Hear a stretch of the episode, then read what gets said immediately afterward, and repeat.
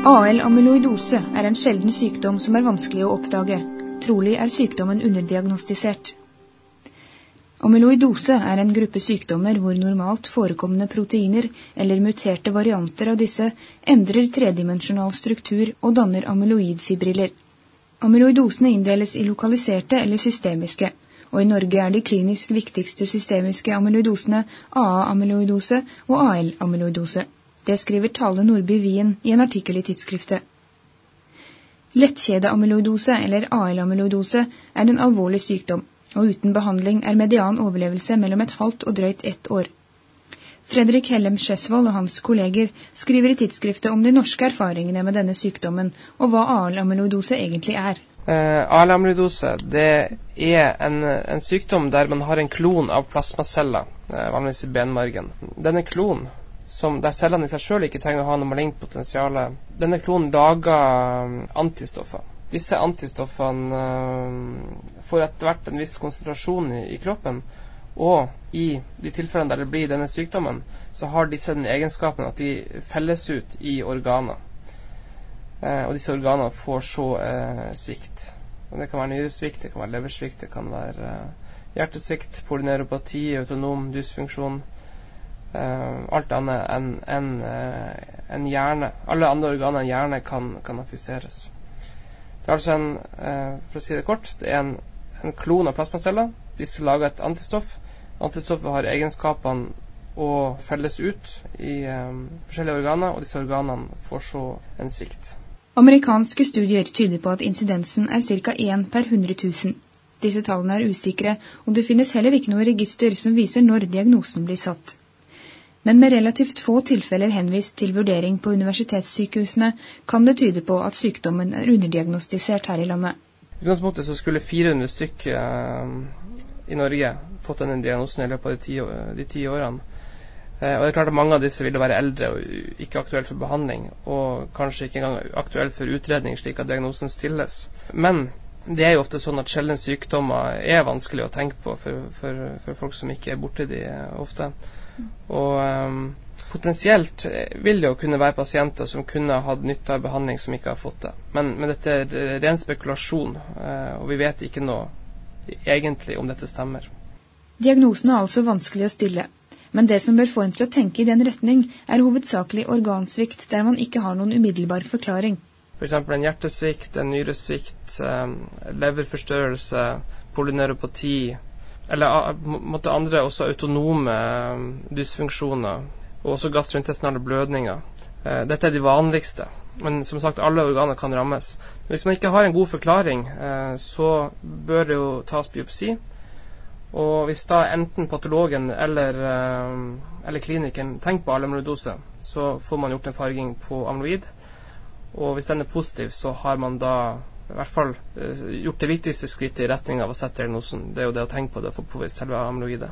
For å stille diagnosen sikkert er det minst tre kriterier som bør være oppfylt. Uh, for det første så må du påvise at uh, det finnes en plasmacelleklon. Det gjøres ved en, en, en benmargsprøve, en biopsi der man kan se på fordeling av kappa lambda og også andre, andre markører som gjør det mer eller mindre sikkert at det finnes en plasmacelleklon du skal påvise en M-komponent um, i, i, blod og eller urin. Det vil si du skal bevise at denne plasmacelleklonen din lager et antistoff. Og Den kan man gjøre ved, ved den konvensjonelle elektroforesen eller ved immunfiksasjon i tillegg. Den kan også gjøres direkte med å ta frie kappa og lambda uh, lette kjeder i, i, blod og eller urin. Og i tillegg må man påvise amyloid. Så det må tas en biopsi av et affisert organ og det må farges på en spesiell måte, som ikke man gjør hvis, hvis ingen tenker på diagnosen. Også på den farginga slår slå positivt ut. da.